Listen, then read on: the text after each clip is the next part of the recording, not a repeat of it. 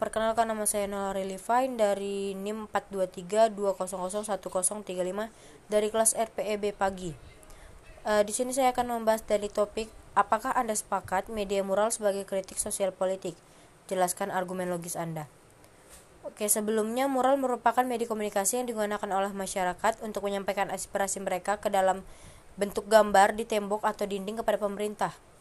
Saya sepakat dengan statement mural sebagai kritik sosial politik. Kenapa? Karena seperti yang kita ketahui banyak keluhan protes masyarakat yang kurang diperhatikan oleh pemerintah.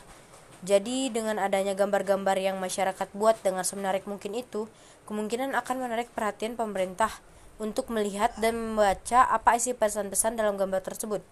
Sehingga pemerintah akan lebih pengertian atau lebih peduli dengan apa yang masyarakat rasakan selama ini. Sekian dari saya, terima kasih.